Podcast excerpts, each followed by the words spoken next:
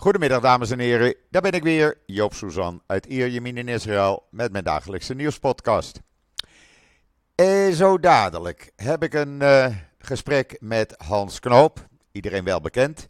En dan gaan we het hebben over de huidige oorlog, de politiek en alles wat daar omheen aan vastzit. Maar eerst even het weer zoals gebruikelijk. Nou, het is bewolkt, 31 graden. Uh, het ziet er naar uit dat we regen krijgen, maar ik denk het niet. En uh, de ramen en deuren staan gewoon wijd open en s'nachts nog steeds een airconditioning, omdat het dan maar 26 graden is. Ja, dat is Joop een beetje te warm. En voor de rest, ja, we zijn het grondoffensief begonnen. De troepen zijn in Noord-Gaza. De vlag is gehezen. De eerste twee soldaten zijn al gewond geraakt, helaas, door uh, mortieren. En er wordt gevochten. En men probeert natuurlijk de gijzelaars uh, te vinden. Dat heeft prioriteit. Uh, ja, hoe het verloop gaat, daar uh, hou ik jullie natuurlijk van op uh, de hoogte via social media. En alle berichten die ik krijg van de IDF en die op israelnieuws.nl komen. En voor de rest, ja, we moeten maar kijken wat er gaat gebeuren de komende uren en dagen. Het zal een lange strijd worden. En wat ik dan niet begrijp is die hypocrisie in Nederland van allemaal mensen die bekend of onbekend die dan zo nodig moeten demonstreren tegen genocide die niet plaatsvindt. Uh, advocaten die in toga gaan demonstreren in Amsterdam vanmiddag. Een anti-Zionistenweek, oftewel koop niet bij Jodenweek, is uh, door uh, moslimorganisaties ingesteld deze week in Nederland. Het doet me denken aan de jaren 30, eind jaren 30, 1938, 39. Toen gebeurde dat soort dingen ook. Het is geen prettige sfeer, lijkt mij, in Nederland. En ik denk dat je juist nu bij Joodse winkels moet gaan kopen. En niet bij moslimzaken. Want eh, als zij Joden haten, nou oké, dan doen wij hetzelfde andersom. Ja, en voor de rest uh, is er hier wat politieke ophef geweest. Want Netanyahu vond het gisteravond in een tweet, en maar ook in zijn uh, persconferentie op televisie, nodig om iedereen weer de schuld te geven. De veiligheidsdiensten, de IDF, behalve zichzelf. Nou, daar kwam uh, nadat die tweet verscheen grote protesten op. Hij heeft zojuist zijn excuses aangeboden en de tweet verwijderd. Maar ja, uh, wat er gestaan heeft, dat vergeet je niet meer natuurlijk.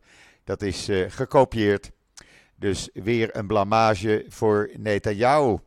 En dat kan hij toch echt niet doen in deze tijd. Hij heeft uh, gister, gisteren was dat geloof ik, onder grote druk, echt grote druk, uiteindelijk met familieleden en vertegenwoordigers van de gegijzelden gesproken. Dat zijn er inmiddels 230 geworden. En dat zal nog wel stijgen. Uh, nou ja, daar heeft hij een half uurtje mee gezeten en daar is verder niets uitgekomen. Ondertussen valt mij op, moslimorganisaties die in Londen demonstreren, honderdduizenden. Ik denk dat je daar als Jood uh, gewoon niet meer veilig bent. Maar goed, daar ga ik allemaal met uh, Hans over praten, met Hans Knoop. Ik ga kijken of ik hem uh, aan de lijn kan krijgen. Een seconde geduld, alsjeblieft. Nou, het is gelukt, dames en heren. ik heb contact met Hans Knoop in Amsterdam onder het afgaan van het uh, raketalarm. Dat blijft maar afgaan. Uh, Hans, goedemiddag. wij zitten midden in een raketalarm weer hier in het centrum van het land, het hele centrum. jij, jij hebt wat ervaring met oorlogen. Waar verschilt deze oorlog in met vorige? Of is het hetzelfde? Nee, het is absoluut niet hetzelfde. Uh, veel oorlogen lijken op elkaar. Ze zijn nooit helemaal hetzelfde, maar dit is een fundamenteel andere oorlog. Dit is de eerste oorlog die Israël uitvecht op het eigen grondgebied. Dat is in vorige oorlogen niet het geval geweest. De doctrine was altijd: als er oorlog gevoerd moet worden, dan moeten we dat doen op het grondgebied van de vijand. Want wij kunnen in ons kleine, dichtbevolkte landje ons geen oorlog op ons grondgebied permitteren. Dus daarmee uh, verschilt hij al van vorige oorlogen. Uh, daarbij is dit een uh, verdedigingsoorlog. Israël is aangevallen. de Zesdaagse Oorlog was puur militair gezien een aanvalsoorlog. Politiek gezien niet, maar militair gezien zien wel. Israël heeft toen een preemptive strike uitgevoerd, omdat het ook wist. Wij kunnen ons ook niet veroorloven het initiatief aan de vijand te laten. Want als dat eenmaal op gang komt, dan zijn we waarschijnlijk niet in staat om die voortdenderende trein te stoppen. Dus de eerste klap moet van ons komen. Dat is nu ook niet gebeurd. De eerste klap is van Hamas gekomen.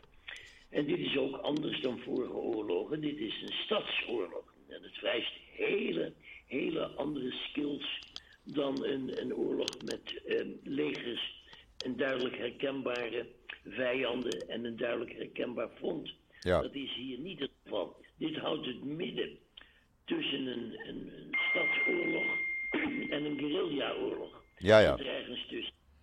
En Israël heeft natuurlijk ook minder ervaring met dit soort oorlogen. Maar we hebben natuurlijk ook nog het noorden, Hezbollah, die eh, volgens eh, mensen die het weten kunnen, er volledig eh, bij betrokken is al. Dat wordt nog ontkend, maar maar ze dat- zitten er al middenin. Dat is waar, maar Israël heeft natuurlijk meerdere oorlogen op meerdere fronten tegelijk gevoerd. Ja, Eh, Het begint al bij de onafhankelijkheidsoorlog. Maar ook de, de Zesdaagse Oorlog was een oorlog tegen alle buurlanden. De Yom Kippur-oorlog, die ik ook heb verslagen, was een oorlog op twee fronten. Eh, Ja. de Sinai en de Golan. dus daar heeft Israël wel ervaring mee. Ik ben in het geheel niet beducht voor de legers van de buurlanden. Israël is in staat om alleen alle buurlanden militair te verslaan. Maar wat doe je tegen eh, het type Hamas-terroristen? dat is een heel, heel, heel ander verhaal. ja, Je moet, laat ik het plastisch voorstellen. Israël is een leeuw. Het is in staat elk ander dier te verzwelgen. Maar het is nauwelijks in staat zich te beschermen tegen een grote zwerm muggen die bijten. Nou, dat is het geval wat er nu gebeurt. Israël heeft nog maar een beperkt deel van zijn vuurkracht ingezet. Het, het lijkt dan weliswaar een en al verwoesting. Maar geloof me, ten opzichte van de totaal aan vuurkracht waar Israël over beschikt, is dat minimaal wat er tot dusverre gebeurd is. Het zijn verschrikkelijke beelden, daar niet van. Niemand wordt daar opgewekt van. Maar Israël is in staat om het alleen op te nemen tegen de legers van alle buurlanden met inbegrip van Iran. Daar ben ik niet in het minst beducht voor. oké. Ja, hoe, treed je op, hoe treed je op tegen een, eh, een zwerm van een paar duizend muggen die permanent om je kop zweven Ja, en je steken? ja. Ben je behoorlijk geïrriteerd, echt behoorlijk geïrriteerd door raken. Maar het maakt natuurlijk ook wat uit dat ze één, één na één eh, belangrijke leiders, commandanten uitschakelen. Ze hebben er al een hele Ja, lijst. dat zijn, dat zijn PR-successen, Joop. Dat zet echt geen zoden aan de dijk. Dat doet men ook om het moraal van het thuisfront wat op te krikken. Dan gaat er natuurlijk eh, gejuich uit alsof er een doelpunt bij een belangrijke voetbalwedstrijd gescoord wordt. Maar het stelt eenvoudig niets voor. Nee, nee. Of het eh, Ibrahim X is die uitgeschakeld wordt, of Mohammed I, eh, die worden dezelfde dag vervangen. Het, het, het zijn PR-successen, maar militair gezien stelt het helemaal niets voor. Nee.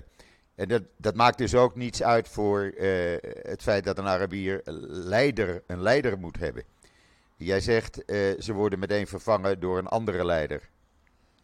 Ja, Ja. natuurlijk, zo gaat dat. Ja, ja. Zo gaat het. Het is, het is geen, eh, laat ik zeggen, geen georganiseerd leger met een, een legerstructuur en een legerhiërarchie.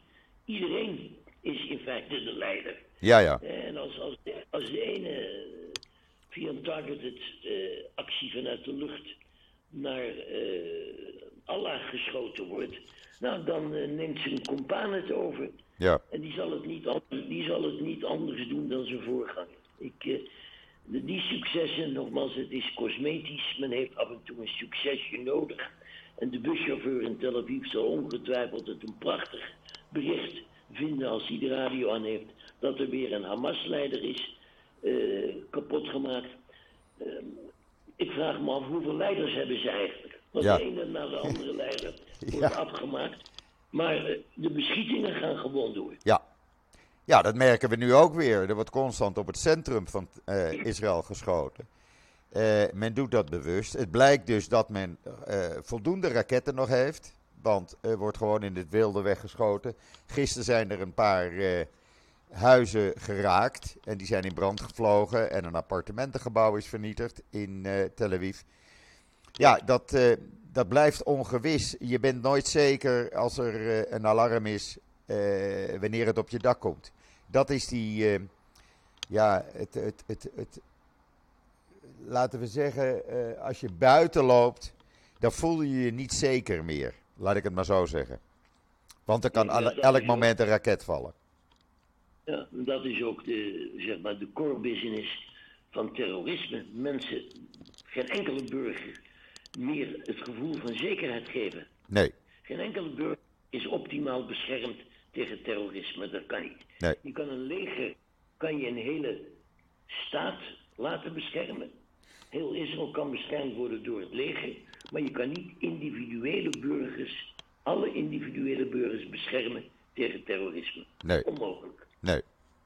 En wat about, eh, wa- eh, laten we het even hebben over de politiek hier. Eh Netanyahu die gisteravond dus die grote fout heeft gemaakt eh, door iedereen te beschuldigen, behalve zichzelf. Eh, en die tweet heeft moeten verwijderen. Dat zet natuurlijk ook geen, eh, eh, ja, laten we zeggen, eh, kracht bij zijn uitstraling. Nee, hij heeft eh, moeten inleveren de afgelopen paar weken. Al heeft hij dat ook weer voor een deel gecompenseerd door het ontvangen van buitenlandse leiders die allemaal in de rij stonden om eh, zijn handje te drukken. Ja, Eh, dat geeft hem dus weer aanzien bij zijn achterban. Eh, ze staan allemaal in de rij. mogen we even met Netanyahu praten? En dan wordt er een, kijk maar naar Rutte, dan wordt er een, een uitzonderlijk prachtig pro-Israël statement afgelegd. En de volgende dag moet Rutte dat dan in de Tweede Kamer, moet hij dat weer afzwakken. Want eh, ja, zo kan dat niet. En nu krijgt hij het weer om zijn oren dat Nederland eh, eh, die resolutie van de Algemene Vergadering in de VN niet heeft gesteund. Ja. vond dus dat hij dat wel had moeten doen. Althans, een deel van links vindt dat. Ja, hij is ook aan het koorddansen. Het valt me trouwens op dat hij ook niet meer in het nette pak met zijn eeuwige eh, blauwe overhemd en geruite stropdas verschijnt, maar in een of ander zwart t-shirt. ja. Hij is, eh, hij is zoekende. Hij doet Eh, nou, de man- hij doet Netanyahu na Ja. in het zwart. Ja, Maar nou komt de Tweede Kamer terug deze week.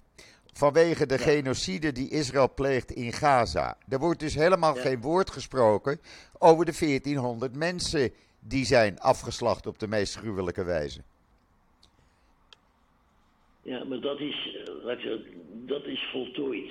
Eh, en die zogenaamde genocide, die zogenaamde Ja, maar die vindt niet plaats. Die vindt niet plaats.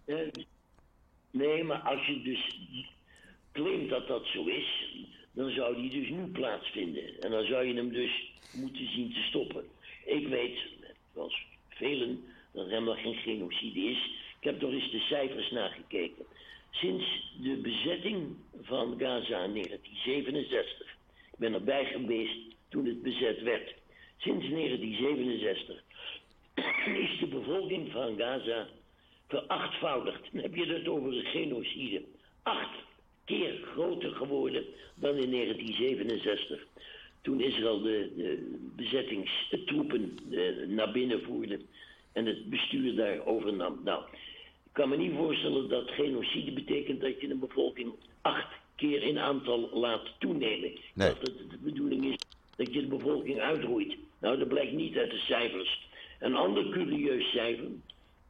Ik heb een, eh, een uitgave van het eh, zeer gezaghebbende blad medische tijdschrift The Lancet gezien uit, eh, ik geloof dat het juni was. Dus nog ver voor eh, het uitbreken van deze oorlog. In The Lancet staat een verhaal dat de meest voorkomende ziekte eh, in de bezette gebieden en in Gaza, hoewel dat niet bezet is, De meest voorkomende ziekte is obesitas. Let wel, obesitas. Ja, ja. Mensen, worden er, mensen worden er te dik. Ja. En wij maar horen hier dat het uitgehongerd wordt door Israël dat het geen goederen eh, doorlaat. Ja. Een heel doorwrocht medisch eh, artikel waarvan ik natuurlijk niet begrijp of dat klopt, want wie ben ik? Ik ben geen arts. Maar de meest voorkomende ziekte in de bezette gebieden in Gaza is obesitas. Mensen worden te dik. Nou, ik heb gezien waar eh, het, het onthouden van voedsel aan burgers toe kan leiden. Ik heb ook de oorlog in Biafra in 1968 verslagen. Ja. Tijdens de Biafraans-Nigeriaanse, eh, ja wat was het, het was eigenlijk een burgeroorlog. Ja. Ik heb de bergen kinderlijken met dikke buiten, buiken gezien. Ik heb er samen met Ebi Nathan, ik meen, tien mee terug naar Nederland genomen. Ik heb gezien waar hongersnood en het onthouden van eh, de meest noodzakelijke dingen bij een bevolking toe kan leiden. Ik heb niet de indruk dat dat het geval in Gaza of in de bezette gebieden is. Ik zal de laatste zijn die zegt dat het er ideaal toe is. En ik zou er ook zeker niet met vakantie naartoe gaan als dat zou kunnen. Maar het is bij lange na niet dat wat men hoort en wat, wat men gelooft en wat men kennelijk wil geloven.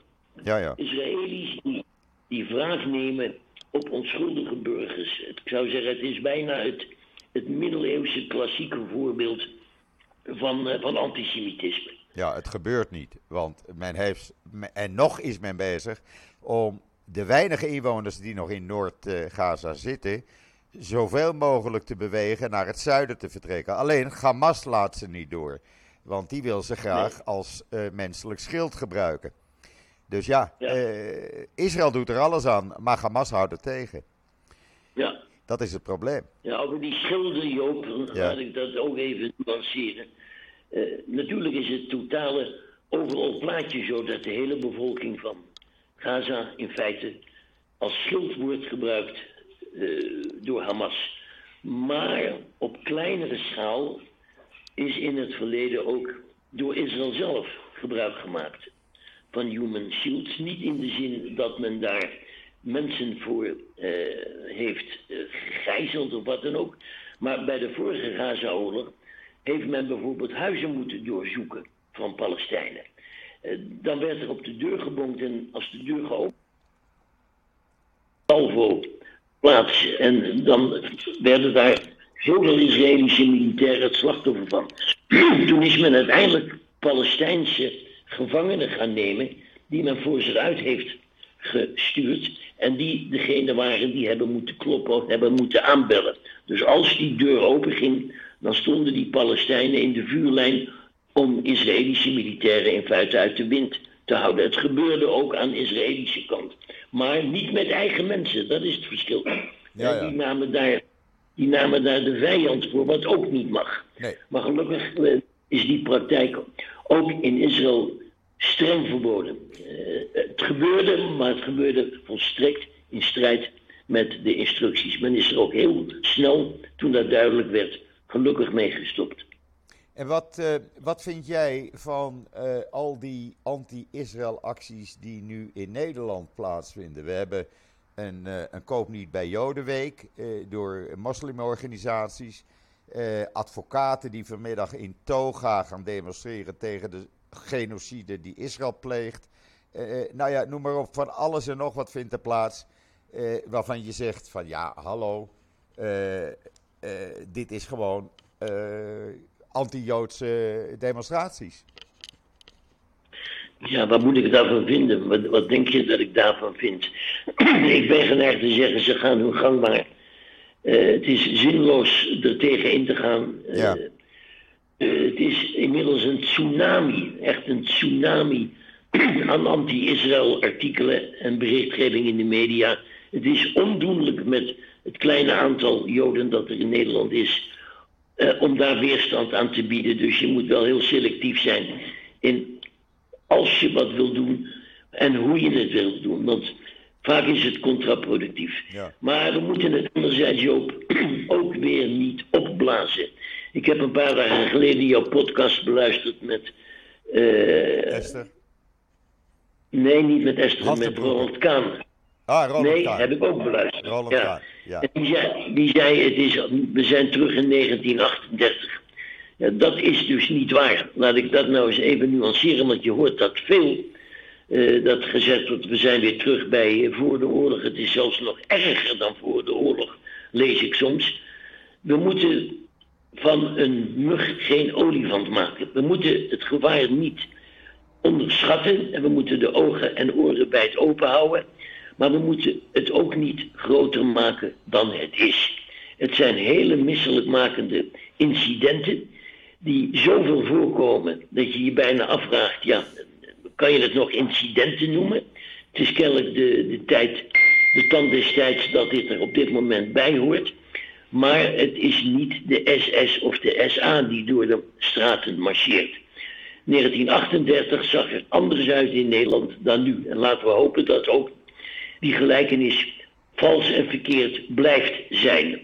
Eh, het is vervelend wat er gebeurt. En er gebeuren dingen die absoluut niet kunnen. En je kan je afvragen of de Nederlandse overheid er hard genoeg en adequaat genoeg en snel genoeg tegen optreedt. Maar het is geen 1938.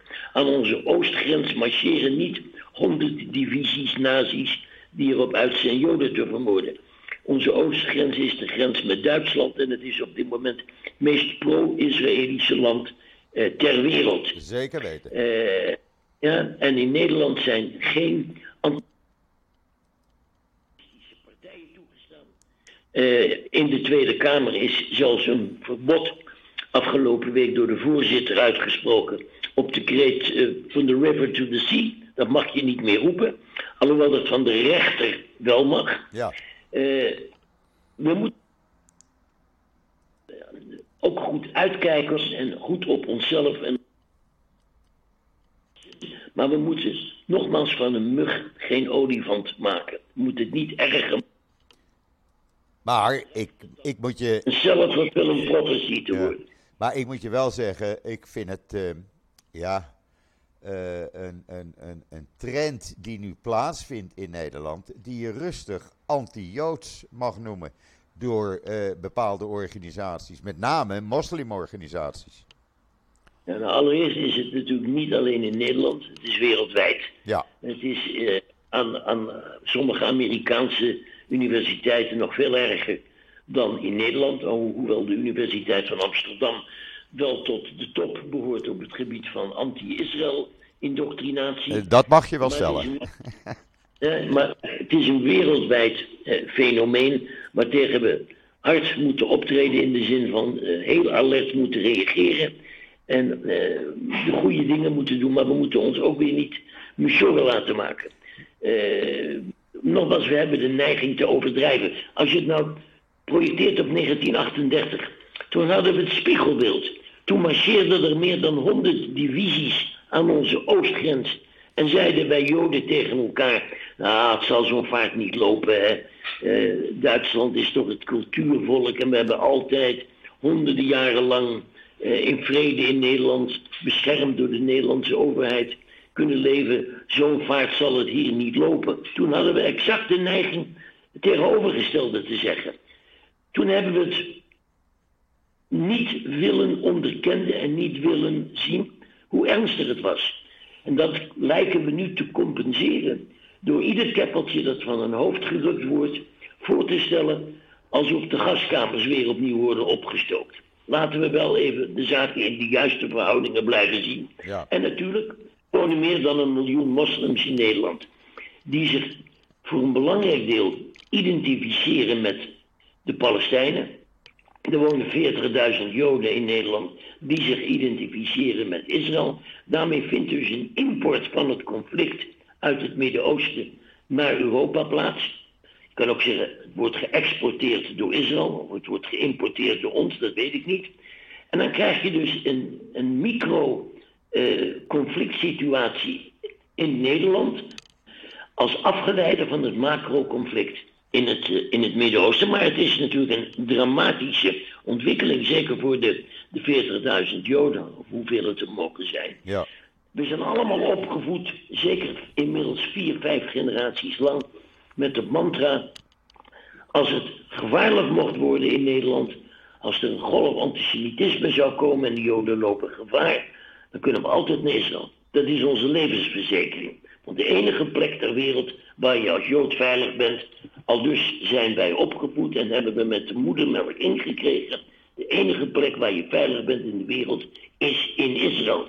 Het is een leugen gebreken, Joop. Ja. Het is een fictie. Je bent nergens onveiliger als Jood dan in Israël. En dat niet alleen de afgelopen drie weken, maar vanaf eigenlijk het begin van het Zionisme. Zelfs nog voor de stichting van de staat werden er Joden uitgeroeid. Uh, ook uh, heeft Roland Kaan daar terecht op gewezen. Pogroms in, in, in Hebron in 1929. Uh, zo zijn er tal van voorbeelden. Het is niet nieuw. Dus het verhaal dat we alleen veilig zijn in Israël, dat is de afgelopen paar weken gebleken. Dat is een fars. Dat is niet waar. Dat is een, een propagandaleugen.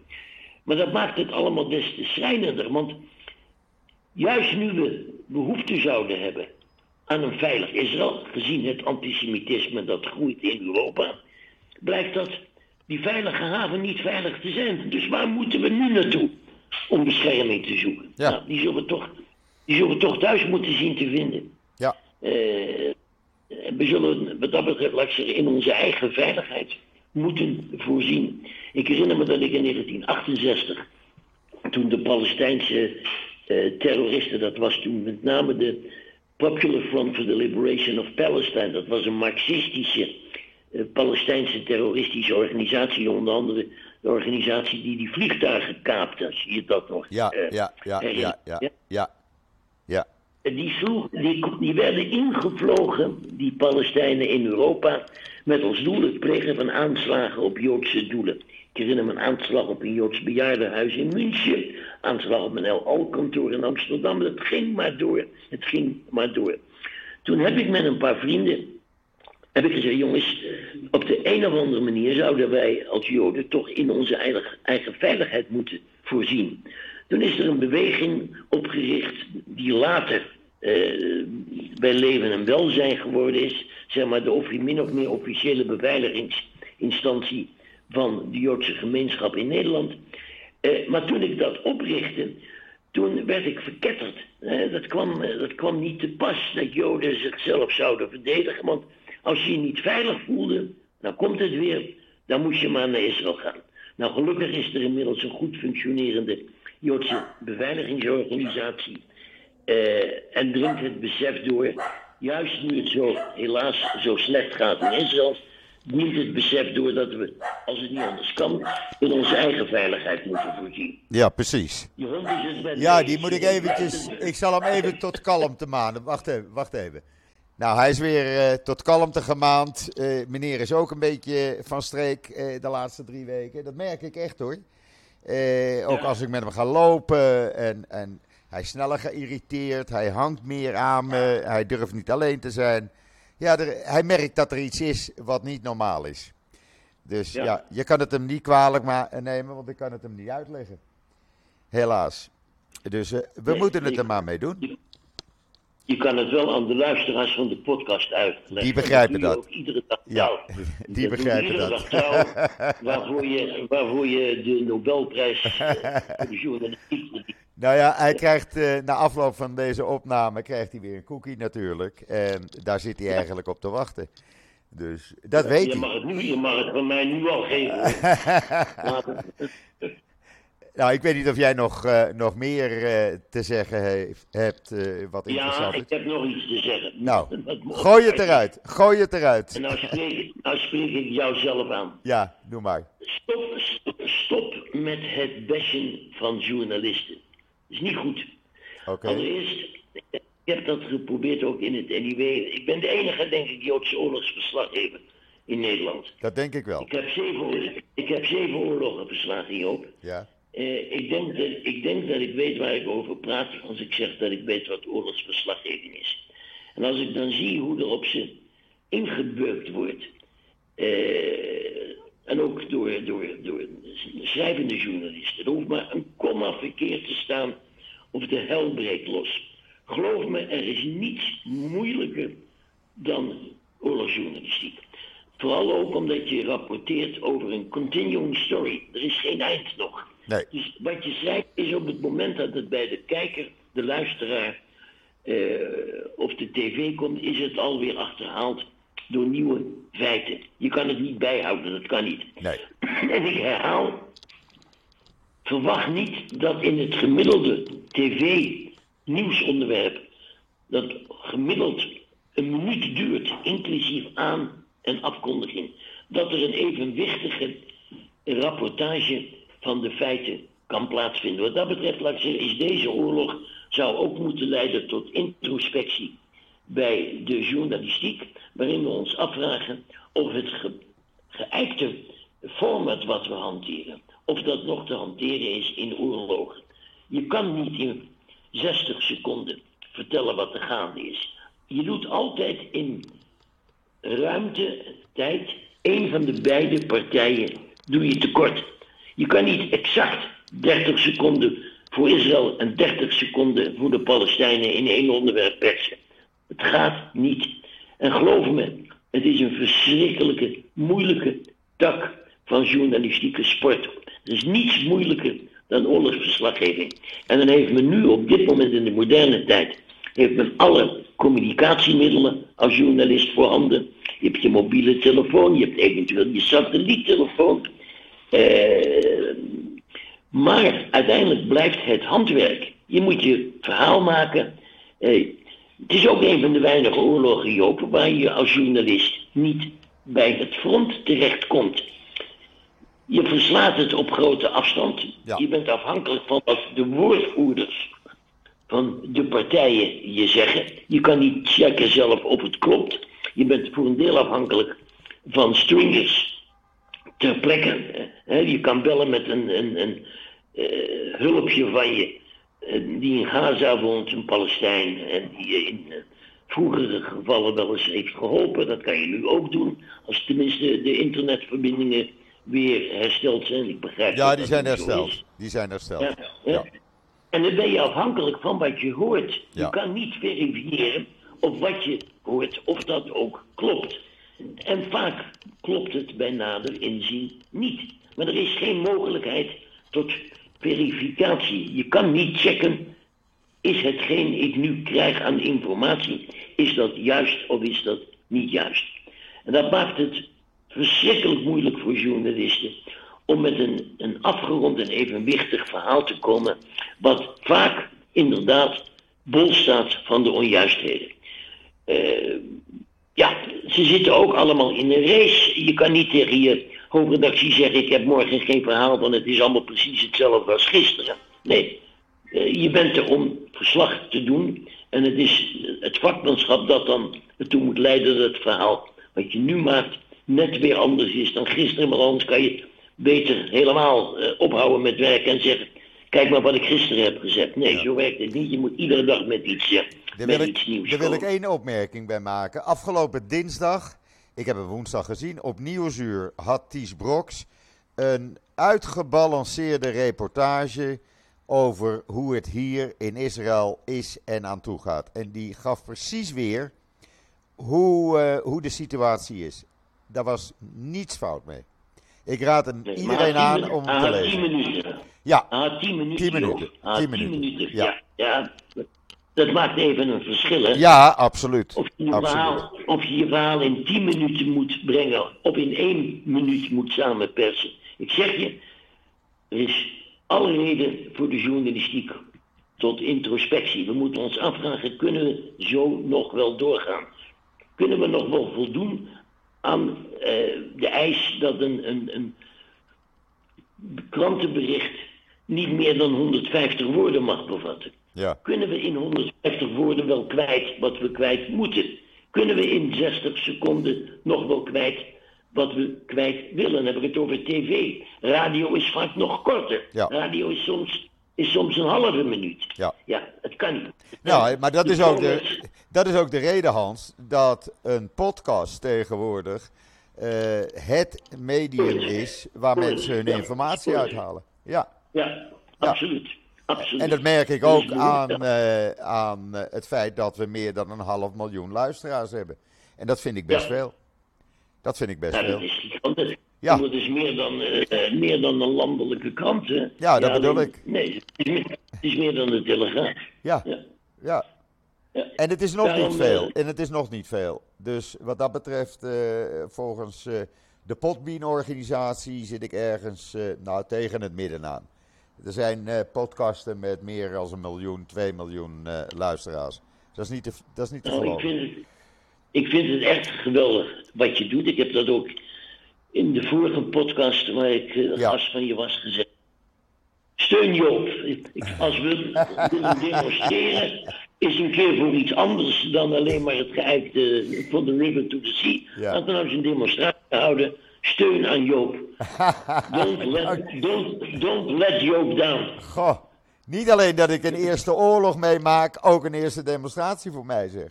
Nou, nou, Ja, nou, het kan niet op. Het kan niet op. Nou, Joop, laten we hopen dat het je eerste en je laatste oorlog is. ik hoop het. Ik heb, Ik er, het. zeven, ik heb er zeven meegemaakt. Dat, eh, wil ik niet halen. Ja, en daarom vind ik, val niet te hard journalisten af. Want je weet niet wat er voor komt kijken. Je weet niet wat er voor dat lullige onderwerpje eh, van minder dan een minuut tv. Wat daar aan vooraf gegaan is voordat dat de kijker haalt. Ja. Dat, daar, zitten, daar zitten tientallen uren werk zitten daarin. Daar heb je de gekste dingen voor moeten doen om het überhaupt te kunnen maken. Daar heb je ook zelfs je leven desnoods voor moeten wagen. Ik mag echt zeggen dat ik een aantal keren echt letterlijk aan de dood ontsnappen. Met name in de, in de Yom Kippur-oorlog. Eh, ik heb letterlijk eh, in de Sinai-woestijn door het eh, zand getijgerd. Terwijl bij El de zware artillerie over me heen donderde. Ja, dan, dan moet je niet gek opkijken als ook die journalist op een bepaald moment misschien door vermoeidheid of wat dan ook een slordigheidje maakt. Want het gebeurt, het is, het is mensenwerk. En het is heel makkelijk om vanuit eh, Amsterdam, vanaf het Gelderlandplein, te zeggen wel anders kan. Natuurlijk, er zijn een aantal zeer foute drijven kranten in Nederland, waarvan we al, al sinds jaar en dag weten dat ze ons niet lusten. Maar ik denk in het algemeen dat het allemaal best, best meevalt. De populaire kranten, Telegraaf, Algemeen Dagblad, zijn voortreffelijk. Niet zo aan te merken. Nou, die coveren met hun tweeën, coveren die al bijna de helft van eh, de landelijke kranten in, in lezersaantallen. Dus het valt wel mee. Eh, maar ik geef toe, het is een, eh, een gevierd gespreksonderwerp onder Joden in cafés en op terrassen. om te zeggen dat het weer allemaal. Ja, stel je voor, waar, waar zouden we nog over kunnen praten? Ja, nee, Als precies. het, niet over de oorlog, als het niet over de oorlog en het antisemitisme zou zijn. Nee. Ik heb eens een keer iemand horen, een Jehoede horen zeggen. Antisemitisme is zuurstof voor Joden. We kunnen niet zonder antisemitisme, we moeten toch iets te klagen. Ja, precies. Nou, ik vind dit een mooie afsluiter eigenlijk, Hans. Ja, ik vind dit een hele mooie. niet- je, bent niet, je bent niet kwaad dat ik mijn hart gelucht heb. Nee, natuurlijk niet. Natuurlijk niet. Je moet zeggen, nou, je moet juist zeggen, ik hou van oprechtheid.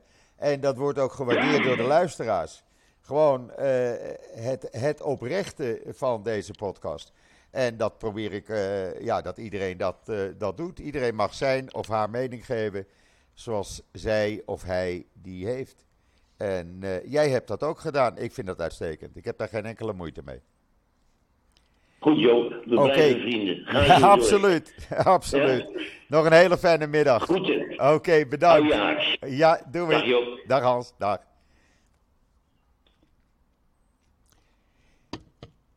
Ja, dat was eh, Hans Kroop. Eh, ik hoop dat jullie van het gesprek genoten hebben. Hij eh, heeft zijn hart gelucht en dat mag ook, dat had ik van tevoren gezegd. Hans heeft altijd een eh, eigen mening en ik vind dat dat ook gezegd mag worden. Eh, inmiddels, ja, er zijn op dit moment geen raketten meer. Ik, het is raar, mensen. Het is raar zo snel het went. Elke keer dat alarm en de booms. Maar goed, er zullen er nog wel een paar komen vanmiddag. Vanuit een Israël in oorlog zeg ik tot ziens.